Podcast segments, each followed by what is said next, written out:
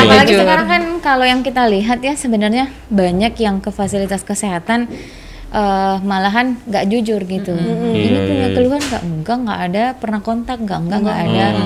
Iya, Tapi pada iya, kenyataannya iya. setelah dilakukan pemeriksaan, eh ternyata positif. Iya, positif.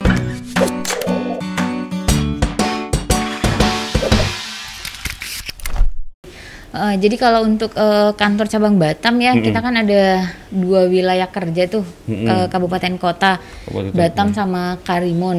Nah Oh. selebihnya itu itu ada masuknya di kantor cabang Tanjung Pinang. Oke. Kalau yang Mm. lain selebihnya itu kita hanya pegang Batam sama Karimun. Mm. Nah kalau di fasilitas kesehatan itu sendiri kan kita kerjasamanya ada dua ya. Mm-mm. Yang tingkat pertama sama tingkat lanjutan. Mm-mm. Kalau kita di tingkat eh, pertama untuk di kota Batam itu saat ini sudah bekerja sama dengan 99 FKTP. 99 FKTP Fasilitas kesehatan tingkat, tingkat pertama, pertama, FKTP iya. tadi ya. FKTP. Nah, kalau FKRTL itu fasilitas kesehatan rujukan, tingkat Rujukan lanjut. Tingkat lanjut. Seperti itu. Kalau rujukan tingkat lanjut sendiri untuk di Batam sendiri itu ada 21 FKRTL di mana termasuk rumah sakit dan ada juga kita kerjasama dengan klinik utama. Mm-mm. Nah, 99 FKTP itu sendiri itu tidak hanya puskesmas ya. Kita ada klinik utama, eh, ah, maaf klinik Pratama, kemudian itu terdiri dari 19 puskesmas, 74 klinik Pratama. Ada juga kita bekerja sama dengan Vaskes yang miliknya TNI Polri. Oh, ya biasanya kayak di Polda, apa TNI Iya, itu ada sendiri, ada, Polri ada ha-ha. ya. Heeh. Itu ada sebanyak 6. Kemudian kalau untuk di wilayah kerja kita di Kabupaten Karimun itu ada 23 ya. FKTP di mana 13 puskesmas, ada satu dokter praktek perorangan, 6 klinik pratama dan ada juga tiga fasilitas kesehatan yang milik TNI Polri. Hmm. Gitu. Itu tadi kayak misalnya di Batam tuh ti- 19 puskesmas itu memang berarti artinya seluruh puskesmas di Batam itu. Seluruh, iya, seluruh puskesmas. Semua punya- nggak nggak ada ya misalnya oh puskesmas ini nggak ada oh buk, apa bukan Iya, eh, ada yang vaskes. belum bekerja sama maksudnya begitu Ah, kali ya? enggak ya kalau namanya pus- puskesmas itu pasti itu ya Mbak? Kerjasama. pasti Oh, kita ini ya kerjasama. kerjasama. Ada satu yang Kemarin belum ada ya? yang satu yang baru kan, Heeh. yang baru dibuka itu Tanjung itu Uncang. belum.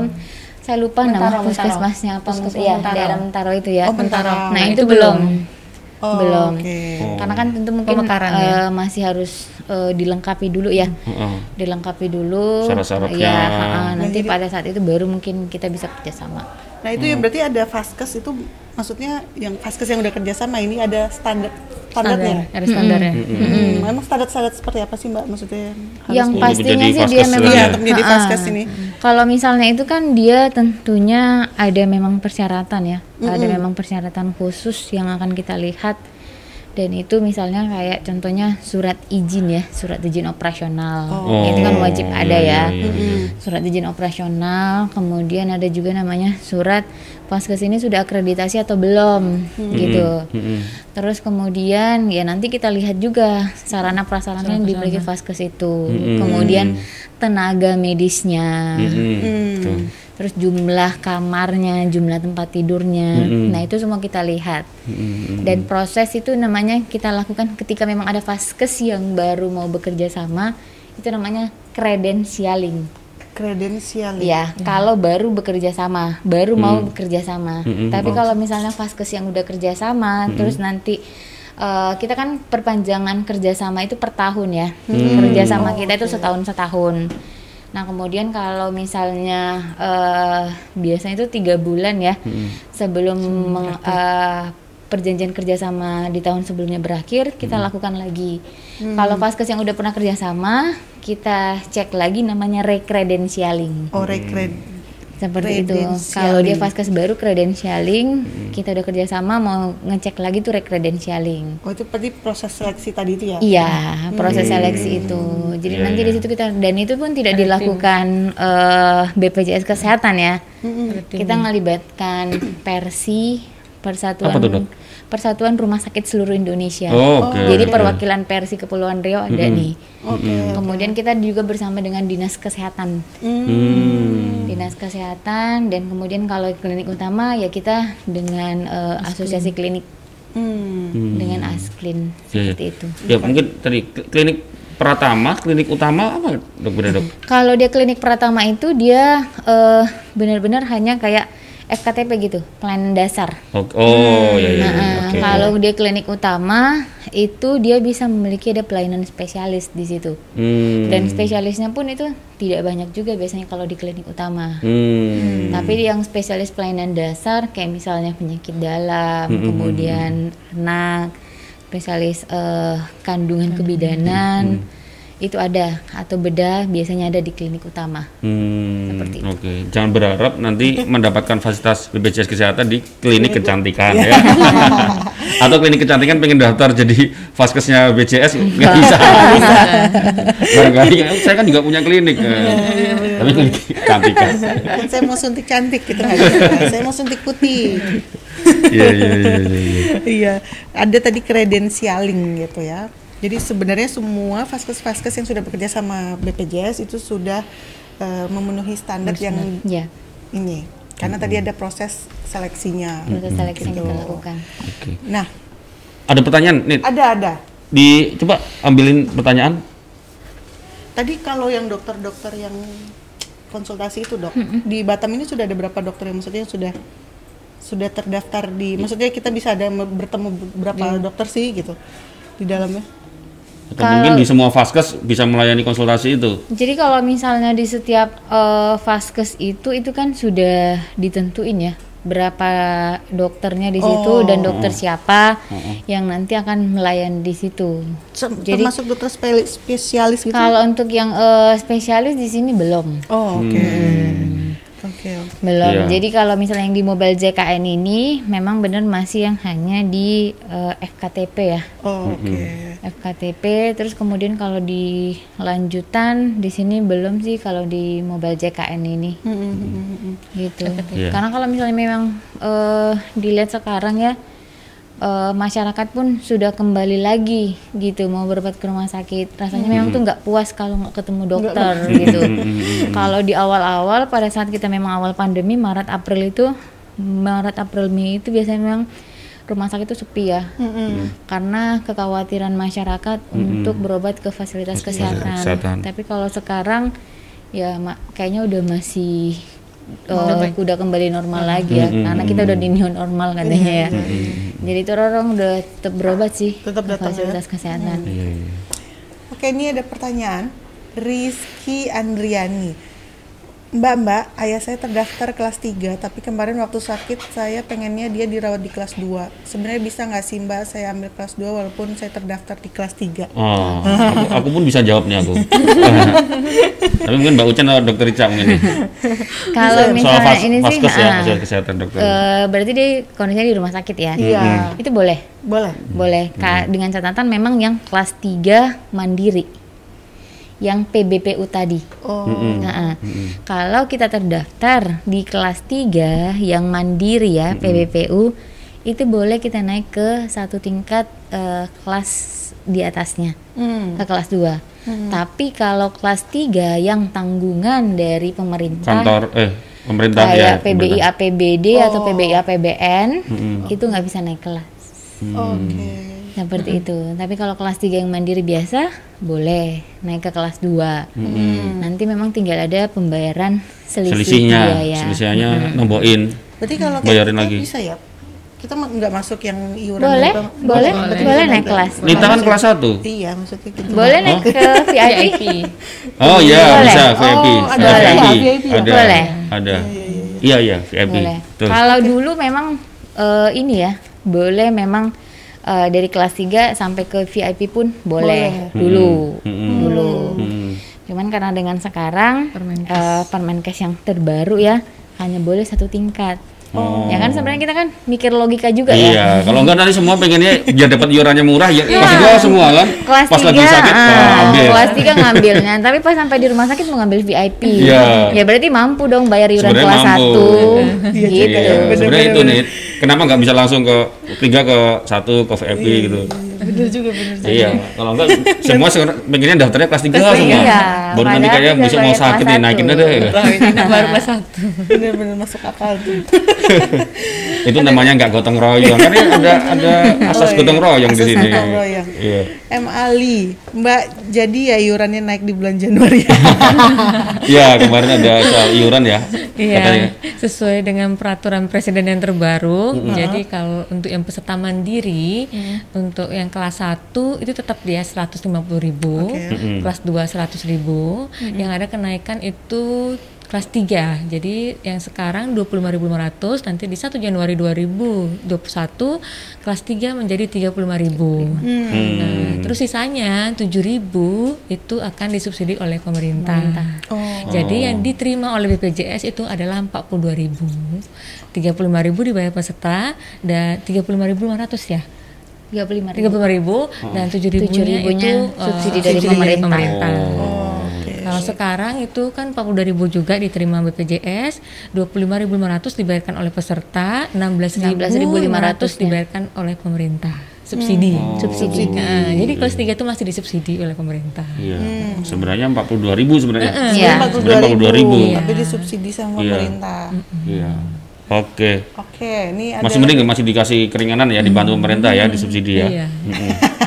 Ini Chandra Salim apa dendanya juga mulai diberlakukan bulan Januari. Iya, jadi Emang sesuai iya. sebelumnya ada denda juga ya? Ah, jadi kalau untuk peserta yang menunggak, nah mereka kalau misalnya rawat inap ya, jadi setelah dia bayar tunggakannya, kartunya aktif kembali, 45 hari sejak kartu aktif kembali dan itu ada pelayanan rawat inap, peserta tersebut akan dikenakan denda. Denda.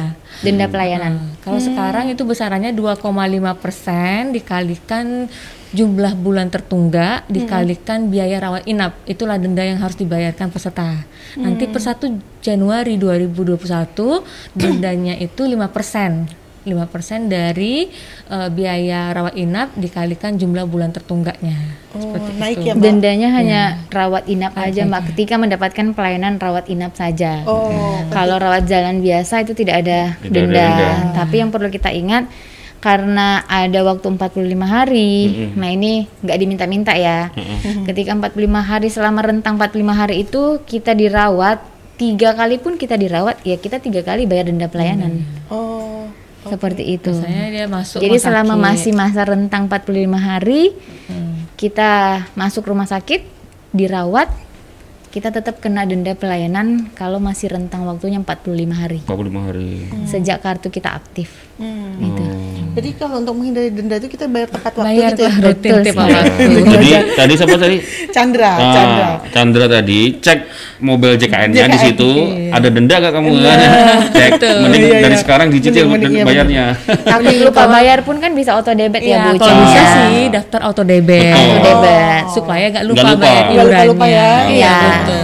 Tuh. Yang punya penghasilan apa eh, rutin itu Rutin. bisa di auto debit. Iya, auto debit saja. biar nggak lupa. Iya. Ada lagi Ananda Meli, Mbak saya baru daftar tapi udah lewat 14 hari masa tunggu. Gimana ya Mbak? Maaf lupa Mbak. Maksudnya gimana? dia udah daftar, tapi Daftar. dia lewat 14 hari masa tunggu. Oke. 14 hari masa tunggu ini apa ya? Mungkin nanti Mbak bisa Iya. jawab. Gimana ya Mbak? Maaf lupa Mbak. Iya. Oh, ini ngaku dosa tadi. Jadi eh, peserta yang mandiri mereka saat mendaftar itu ada waktu tunggu. Waktu tunggu 14 hari. Jadi misalnya dia daftar tanggal 1. Oke. Nah, dia baru bisa bayar itu iuran itu tanggal 15 sampai tanggal 30. Nah, jadi dia rentang dari 14 hari sampai 30 hari sejak dia mendaftar itulah rentang untuk membayar iurannya. Hmm. Nah, kartunya aktif setelah dia bayar iuran. Oh. Tapi kalau misalnya dia sudah lebih dari 30 hari sejak daftar dan dia tidak membayarkan iuran pertama, Mm-mm. nah itu akan eh, gimana? Virtual account-nya itu akan jadi eh, nonaktif gitu. Non-aktif. Eh, jadi dia bisa Mulai lagi dari awal gitu. Eh, kalau di kalau dia mau daftar mau mengaktifkan kembali, dia harus mulai dari awal lagi dan Hmm. dia daftar lagi dan itu 14 hari lagi nunggunya Tunggu lagi. Oh, Jadi lebih panjang lagi gitu Iya, kan. iya.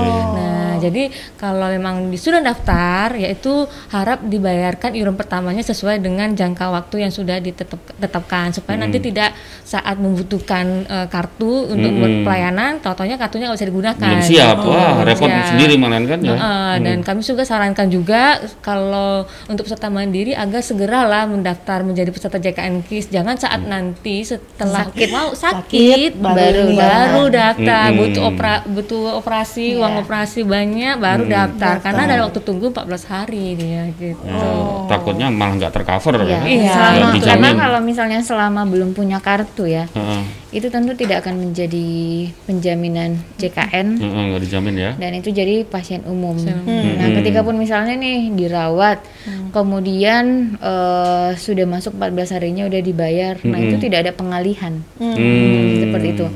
Jadi selama satu episode perawatan, ketika dia dari awal sebagai pasien umum, ya sampai dengan selesai pasien umum. pasien umum. Hmm. Ya. Iya, iya, Maksudnya dialihkan tuh ini apa istilahnya di apa? Alah, Penjaminannya kayak kayak udah bayar dulu terus habis itu minta ditang, diganti Iya. gitu ya. Gitu lah. ya Jadi kan? pasien umum terus habis itu karena udah Oh. punya kartu Oh, oh. mau dialihkan ke pasien Pasien JKN, peserta JKN. bisa itu ya. bisa. Nah, itu itu bahasanya kira-kira gitu praktisnya. Daftar aja lah Iya. dari sekarang ya. Iya, Nanti betul. Sebelum Betul. sakit. Iya, Sebelum sakit. sedia payung banyak kejadian hujan. seperti itu banyak kejadian seperti itu jadi Betul. saat dia di rumah sakit sekarang udah di rumah sakit baru daftar Hmm. nah habis itu nanti ya, inilah Malah repot ya. Heeh. Iya, kita iya, nggak iya. bisa untuk mempercepat itu nggak bisa gitu Iya, iya. semua sudah by system Oke, mungkin anu nih, saya nanya ke Dokter Riza. Oke. Dok, kalau tadi Mbak Ucen eh, sempat jelaskan inovasi-inovasi terkait dengan di pelayanan yang masih di kantor ya. ya termasuk di situ ada ada pelayanan-pelayanan ter- eh, terkait dengan apa eh, fasilitas non tatap muka. Kalau yang untuk fasilitas kesehatan sendiri ada inovasi apa yang khusus di fasilitas kesehatan? Ini dokter kan khusus fokusnya ke situ kan. Inovasinya Ka- apa? Kalau di kita Yang di sih yang pertama itu terkait yang tadi ya udah kita sampaikan ya eh, konsultasi dokter ya. Konsultasi dokter tuh ya masuk konsultasi ke situ dokter ya. melalui mobile JKN Oke. itu dan kemudian itu kita sudah ini kan juga terkait dengan antrian online ya antrian Antrian online, online. yang ada di fasilitas kesehatan rujukan Jadi sebelum kita mau ke Vaskes, Ha-ha. kita Antrian, di iya. antri di mobil JKN tadi ya. Nah, Kalau yang untuk yang sekarang Mas, jadi gini, kita sudah minta seluruh fasilitas kesehatan untuk memiliki antrian online baik oh, melalui itu itu fiturnya nggak masuk di mobil JKN saat ini kita belum bridging kan Mas. Oh, Iya. Oke. Jadi untuk yang ke depannya, ini kita lagi berproses ya untuk di seluruh FKRTL di seluruh rumah sakit eh, antrian online yang dimiliki di rumah sakit itu kita bridgingkan dengan mobile JKN. Oh, iya dong harus Ya, gitu ya. karena kalau misalnya yang eh, kayak WhatsApp kan, kan ada beberapa rumah sakit tuh yang pakai WhatsApp. Iya, iya, iya. iya. Kemudian ada yang pakai web, ada juga yang sudah punya aplikasi sendiri. Nah ini yang sedang kita proses. Gimana antrian online yang ada di rumah sakit itu sudah bridging juga dengan mobile JKN Oh, gitu. Sama halnya yang kemarin eh, yang sebelumnya ya. Yang jauh sebelumnya itu yang ketersediaan tempat tidur itu. Nah jadi apa yang udah tersedia tempat tidur yang ada di rumah sakit itu udah kita bridgingkan nih di mobile JKN jadi Oh. siapa pun itu bisa tahu Oke. berapa sih rumah eh, rumah eh, kamar yang, Yang tersedia tersisa. di rumah sakit itu Heeh. Nah itu sudah kita minta juga rumah sakit untuk, eh, mengupdate ya. Update ya. wajib itu wajib dia diupdate. Jadi proses rujukan pun itu eh, insya Allah bisa jadi lebih gampang ya, karena bisa dicek mobile JKN ketika rumah sakit A mau ngerujuk ke rumah sakit B, ada nggak ya kamarnya kira-kira bisa dicek di mobile JKN itu. Sekarang yang kita proses itu tadi antrian online, Antrian online yang ya. bridging dengan mobile JKN kita. Oh, oke oke oke ya. Semoga nanti semakin siap semakin baiklah layanannya ya. Ya. Konsultasi dokter ada juga tadi ya. Harus dimanfaatin tuh, lumayan tuh. Hampir 50 menit nih mas. Hah? Mungkin Wah, kerasa. kita jawab lagi nih sedikit lagi. Mm, mm, mm. Ana Rasti, Rusti, Bu, apakah semua pelayanan ditanggung sama BPJS? Apa saja yang nggak ditanggung, Bu? Mohon Oh. pencerahan, Bu. tadi dari sempat dijelasin. Nggak apa-apa, ini mungkin Ya, baru itu tadi masuk udah nih. kita sampaikan ya bahwa misalnya memang ketika Bapak Ibu berobat atau untuk mendapatkan fasilitas eh, pelayanan kesehatan ya tentu sepanjang memang sesuai dengan indikasi medis, sesuai dengan prosedur ya itu tetap akan ditanggung. Nah, yang tidak ditanggung itu yang tadi itu ketika dia misalnya eh, berusaha untuk mempercantik ya Mm-mm. estetik Mm-mm. sama termasuk ini juga eh, usaha untuk mempunyai keturunan Hmm. nah itu nggak dijamin Nggak juga jamin. Kayak Iya, misalnya bayi tabung inseminasi Mm-mm. itu nggak dijamin sama JKN Mm. kemudian pelayanan-pelayanan yang memang eh, menyakiti diri sendiri tadi Mm-mm. kemudian karena terkait bencana alam Mm-mm. itu juga nggak ditanggung eh, sama JKN kemudian di bawah pengaruh obat-obatan alkohol Enggak. itu juga nggak dijamin sama termasuk pengobatan yang kayak sinse sinse itu ya Oh. Oh. itu nggak dijamin juga Iya, iya, iya. pengobatan Tradisional. tradisional komplementer gitu nggak dijamin Hmm. Tapi kalau jadi- dukun ke paranormal nggak bisa. Iya. Dari jenis penyakitnya ada yang semua dikontrol di ini. Kalau penyakit sih ya itu tadi ya, penyakit sesuai dengan indikasi medis ya. Oh. Yang penting sesuai dengan indikasi medis itu dijamin. Hmm. Hmm. Oke. Iya, iya, iya, iya. Ada satu lagi ya, Mbak. Andes Tapung. Saya sering dapat notif screening di aplikasi dan pernah saya ikuti. Apakah menggunakan aplikasi bisa akurat hasilnya? Dan kenapa setiap hari ada notifnya? Apa harus setiap hari kita ikuti screening? Mungkin sering mu- sering muncul. Iya, muncul. nggak apa-apa sih kalau mau digun apa mau diisi screeningnya nggak masalah Tapi kalau udah diisi dia tetap muncul nggak sih, Mbak? Eh, Tetap muncul tetap muncul sih kalau Saya emang pun kadang buka aja. buka ini mobile JKN biasa tetap muncul kok, Mbak. Oh, kalau udah pernah ngisi Padahal udah pernah ngisi. aja. Oh, Iya. bisa Sebenarnya nggak apa-apa, ada manfaatnya kok. Iya. Kita jadi lebih prepare. juga aja Iya, sih buat kita ya, Iya, iya, iya. diingetin. Hari-hari ini kita harus sering diingatkan. Mentang-mentang new normal jadi kita tuh cuek ya. Cuek, ya, Iya, iya, betul, iya. Nggak apa-apa. Oke. Sedikit aja. Terima kasih. Tribuners ada lagi? Ada lagi? Oke. Oke, nanti kalau ada tambahan nanti kita sampaikan ke teman-teman BPJS Iya. Kesehatan kalau nanya. Boleh silakan lanjut nggak apa-apa. Ya. Oke, Mas Danang. Mm-mm. Udah- Ternyata ya satu Iya, hampir satu jam hampir ya. satu jam nih, Iya. udah 50 menitan. Mm-mm. Mungkin dari ini deh Mbak Ucin atau Dokter Ica ada mau ditambahkan disampaikan ke teman-teman Tribuners mungkin ada yang belum tersampaikan tadi Tersampaikan. mungkin kita ngobrol ada yang kelewat Atau masih ganjil. yang ada hal yang penting disampaikan Iya. kira apa Mbak Ucin apa? Mungkin diulang lagi Mbak Mungkin, tadi yang yes. nomor-nomor. nomor-nomor Ah, tadi ya penting itu, penting nomor-nomor betul. tadi Mm-mm. Eh, jadi baik untuk eh, peserta JKN khususnya di Kota Batam eh, untuk eh, menghindari dari apa kerumunan ya untuk eh, jadi kita sudah ada pelayanan tatap muka dan maupun non tatap muka. Nah bisa untuk dimanfaatkan aplikasi mobile JKN-nya apli- eh, BPJS Center 15400 atau untuk Cika di nomor 0811 87 50 400 Ulangi sekali lagi Mbak. 08 0811 87 50 400 Oke. Nah, jika kalau misalnya mau melakukan proses administrasi ternyata tidak bisa melalui aplikasi mobile JKN ya, bisa dilakukan melalui WA. Eh, WhatsApp untuk Kota Batam itu adalah nomor 0895 3706 80105 Oke. ya 0895 0895 80105. Nah, itu di sana untuk yang Pandawa ini bisa untuk eh, pendaftaran peserta baru untuk PNS TNI Polri, penambahan anggota keluarga. Jadi misalnya iya, sudah iya, iya. terdaftar, terus mau nambah ke anggota keluarga yang belum terdaftar bisa dilakukan pen- lewat WA. Oh. Pengaktifan kartu kembali, pengaktifan kembali, misalnya dulu dia perusahaan, Oke. di perusahaan, terus dia mau jadi peserta mandiri lagi. Nah, terus tidak bisa dilakukan melalui aplikasi mobile JKN, bisa melalui Pandawa itu. Oke. Terus mengaktifkan virtual account tadi seperti tadi yang kadaluarsa tadi virtual accountnya sudah lebih dari 30 hari. Nah, itu bisa melalui aplikasi eh, WA juga. Eh, pindah jenis kepesertaan tadi yang PPU eh, jadi PBPU, ubah golongan untuk yang PNS. Eh, terus juga ada perbaikan data yang eh, peserta penerima bantuan iuran. Jadi yang PBI ini eh, biasanya kartunya eh, ada yang belum lengkap dengan INIKA, namanya nama panggilan gitu kan. Jadi Oh. tidak sesuai dengan KTP. Nah itu bisa diupdate melalui aplikasi WA ini.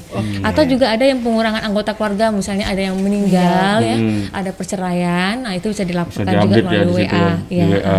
Terus juga kami mau nyampaikan juga untuk peserta JKN KIS yang sudah memiliki yang mem- yang memiliki bayi berusia lebih dari tiga bulan dan belum melakukan update namanya dan NIK si bayi tersebut agar segera dilaporkan ke kami ke BPJS dengan melampirkan kartu keluarga yang sudah include dengan nama bayi tersebut. Karena eh, bayi-bayi yang lebih dari tiga bulan ini wajib memiliki NIK. Nah nantinya ini sesu- ini karena memang sesuai dengan rekomendasi BPKP ya Bapak Ibu ya. Jadi kita sudah menjadi temuan terus nih bayi-bayi yang belum ada NIK-nya.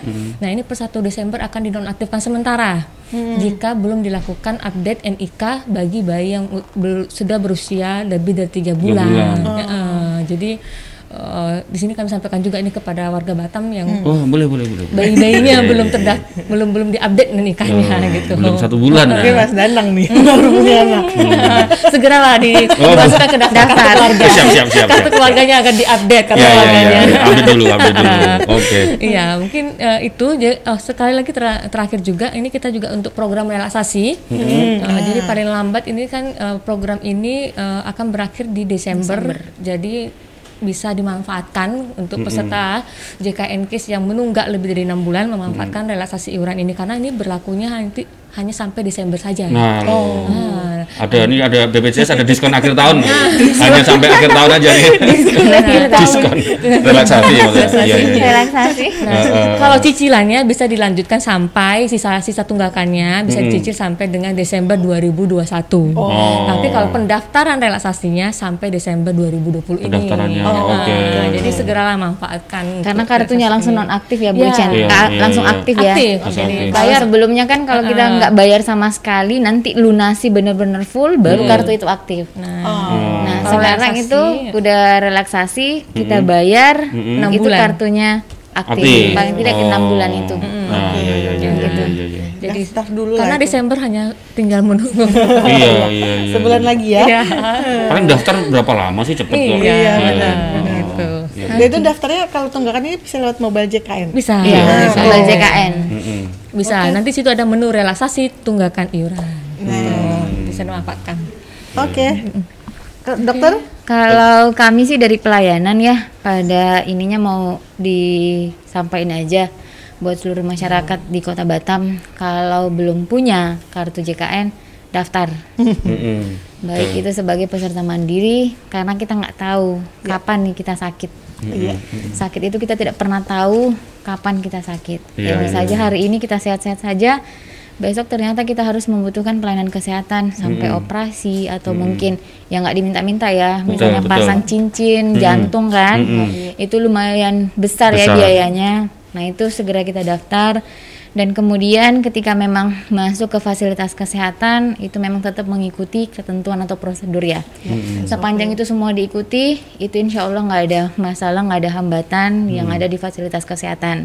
Dan yang pasti ketika masuk ke rumah sakit atau fasilitas kesehatan lanjutan itu menyampaikan bahwa memiliki kartu JKN Hmm. kalaupun tidak mempunyai kartu fisiknya kadang kan kalau apalagi kita masuk emergency lupa mungkin kartunya ya di mobile JKN ada Iya, iya. Iya. di mobile JKN ada kis di- eh, kartu JKN apa digitalnya itu ada itu bisa kita perlihatkan dan saat ini itu tidak ada rumah sakit lagi yang meminta fotokopi fotokopi kartu Oh, Hmm. kalau ada tolong aja. dilaporkan oke. Oh.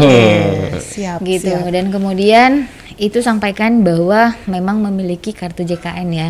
Nah ketika tidak bawa kartu pun belum download eh, bisa dilihat nomor kartu JKN-nya dengan melalui NIK yang ada di KTP. Hmm. Biasa kan kita cuma ngantongin ya? KTP ya, Iya. nah itu bisa ditunjukkan. Yang penting bilang saya peserta JKN, saya punya kartunya, nggak bawa kartu, perlihatkan KTP-nya. Oh bisa, cukup Itu. cukup itu aja cukup Iya, bisa ya dok. Boleh. Heeh. Yang penting eh, jangan gini ya. Eh, saya pasien umum aja. Nanti tiba-tiba besok nunjukin kartu. Hmm. Karena ketika sudah menandatangani inform consent dari awal, umum sampai dengan selesai perawatan berlaku sebagai pasien umum Oh, Oke oke. gitu dan kemudian apa pun yang terjadi misalnya ada pun apa pun permasalahan nih yang terjadi di fasilitas kesehatan baik di primer maupun di lanjutan itu tolong disampaikan ke kita. Gitu. Oke. kalau misalnya masih ada bapak ibu mungkin yang masih diminta saya kok disuruh bayar ya? Padahal saya sesuai dengan prosedur saya sesuai dengan hak kelas. Nah itu tolong dilaporkan. Oke. Nggak usah takut pokoknya, dilaporkan gitu.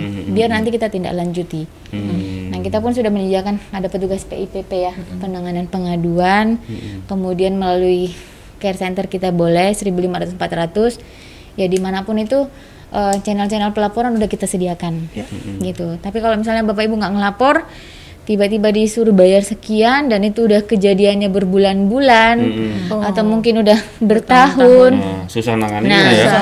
gimana mau kita tindak lanjuti? Iya, Nah, iya, iya, kadang iya, kan iya. udah tanda tangan nih Mm-mm. dari awal, tapi ternyata ujung-ujungnya saya kok disuruh bayar, nah kenapa gitu? Ya kalau dari awal mohon bisa dipastikan gitu. Sepanjang kita ikuti prosedur, ya itu insya Allah semua berjalan lancar sih, nggak ada masalah. Oke. Gitu. Semuanya dimudahkan kok. ya ada call center, care center, care center kan? bukan Care center. center. 1.500 400. Ada mobile JKN. Iya. Ya. Pakai nick aja tadi soal daftar pakai nick aja nggak cukup. Mudah banget ya. Udah banget semua udah tinggal di apa sih di genggaman semua Iya. lah. Iya, iya, Kalau iya. misalnya iya. tadi mau langsung lapor langsung ke call center 1.500 400. Iya. Mobile JKN kan juga ada pengaduan Nah, kan, benar. Ya, ada di situ ya. juga. Boleh di situ. Oke. Enak banget kok. Oke, Tribuners. Oh iya ini ada. Ya, eh, obrolan kita seru banget sebenarnya. ya. Ini sangat sangat bermanfaat. Saya kita yakin banyak masyarakat juga masih awam juga atau mungkin belum update, ya kan? Iya. Boleh ditanda tangan dokter. Ya, Ini untuk, ini sebagai tanda. kenang-kenangan buat kita. Tanda bahwa kita eh, dokter sudah datang ke sini ke Iya. Tribun Podcast Iya, iya, iya. resmi. Resmi. Iya, iya, iya. Oke, Mbak Mbak Ucen. Mbak Kalau masih ada yang mau tanya, ya mungkin baru masuk nih, baru nonton, ya eh, silakan tanya di kolom komen aja. Iya, nanti bisa Nanti kalau kita nggak bisa jawab, kita kasih ke BPJS Kesehatan. BPJS ya. Maksudnya kita kita adukan di itu Iya. mobil JKN tadi. Ini Mas Danang mungkin oh ya, oke. dipamerkan. Terima, Terima kasih, Mbak Ucen. ya Dokter Ica. Mbak Ucen ya sudah mampir di Tribun Batam Podcast. Iya, Sudah ngobrol dengan kita, sharing sama teman-teman Tribuners Iya. ya. Semoga bermanfaat. semoga bermanfaat ya. Aplikasinya, Pasti bermanfaat, Oh, iya. pastilah. Aplikasinya itu berguna banget tuh. Iya. Oke, Tribuners ya. Terima kasih sudah menyaksikan kita. Jangan lupa subscribe YouTube channel kita Tribun Podcast dan juga follow Instagram kita @tribunpodcast dan dengerin juga eh, episode-episode sebelumnya mungkin yang ketinggalan bisa juga di Spotify ya, dengerin di sambil nyetir-nyetir mobil.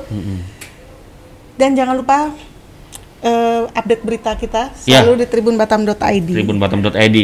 Oke Tribuners, ketemu lagi. Ya.